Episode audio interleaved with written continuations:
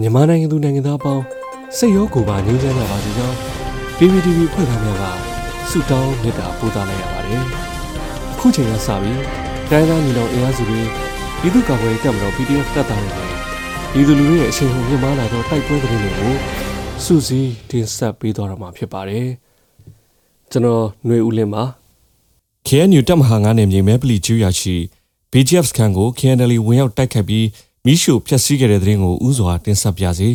။ကရင်မျိုးသားစီယို KNU တပ်မဟာ9နယ်မြေမူကြော့ဖာပွန်ခရိုင်မဲပလီကျူရရှိစစ်ကောင်စီလက်အောက်ခံ BGF စခန်းကို KNL တပ်မဟာ9တရင်တရနဲ့တပ်ဖွဲ့ဝင်များက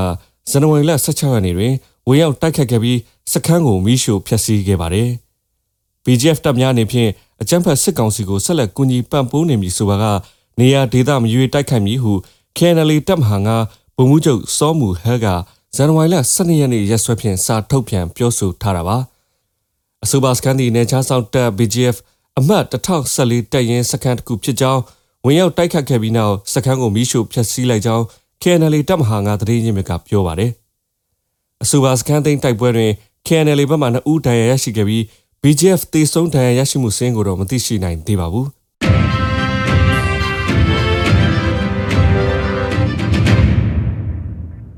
လွိုက်ကောမိုင်းလုံရက်ကွက်တိုက်ပွဲတွင်စစ်ကောင်စီတပ်မှအနည်းဆုံး20ဦးထိခိုက်ဒေဆုံးနိုင်တယ်ဆိုတဲ့သတင်းကိုဆက်လက်တင်ဆက်ပါမယ်။ကရင်ပြည်နယ်လွိုက်ကောမြို့မိုင်းလုံရက်ကွက်ရှိစက်မှုလေယာရုံးနဲ့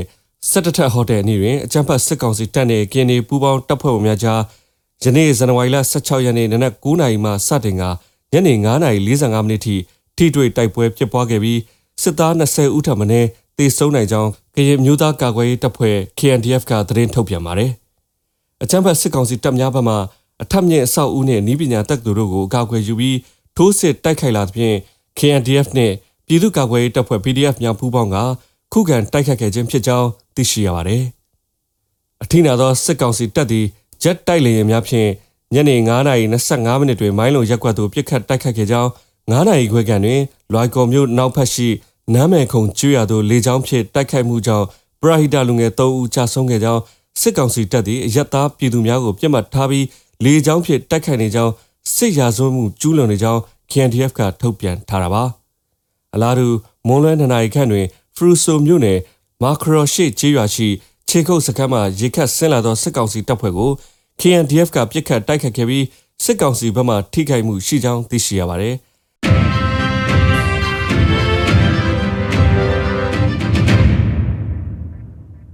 နောက်ဆုံးအနေနဲ့အမျိုးသားညီညွတ်ရေးဆိုရာပြည်ထရေးနဲ့လူမှုကြီးကြပ်ရေးဝန်ကြီးဌာနက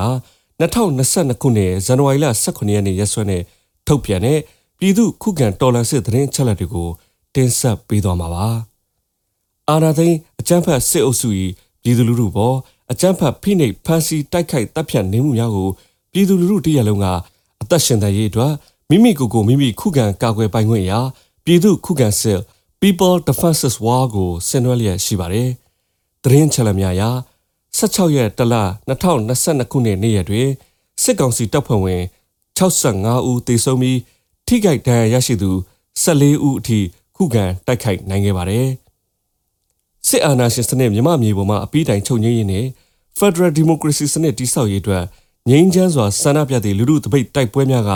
ပြည်내နှင့်တိုင်းဒေသကြီးများမှာဖြစ်ပွားပေါ်ပေါက်လျက်ရှိပါသည်။ မြေပြင်မှာယခုတွေ့ရတဲ့သတင်းအချက်အလက်များထက်ပို၍ဖြစ်ပွားနိုင်ပါတယ်ခင်ဗျာရေတော်ဘုံအောင်ရမည်ရေတော်ဘုံအောင်ရမည်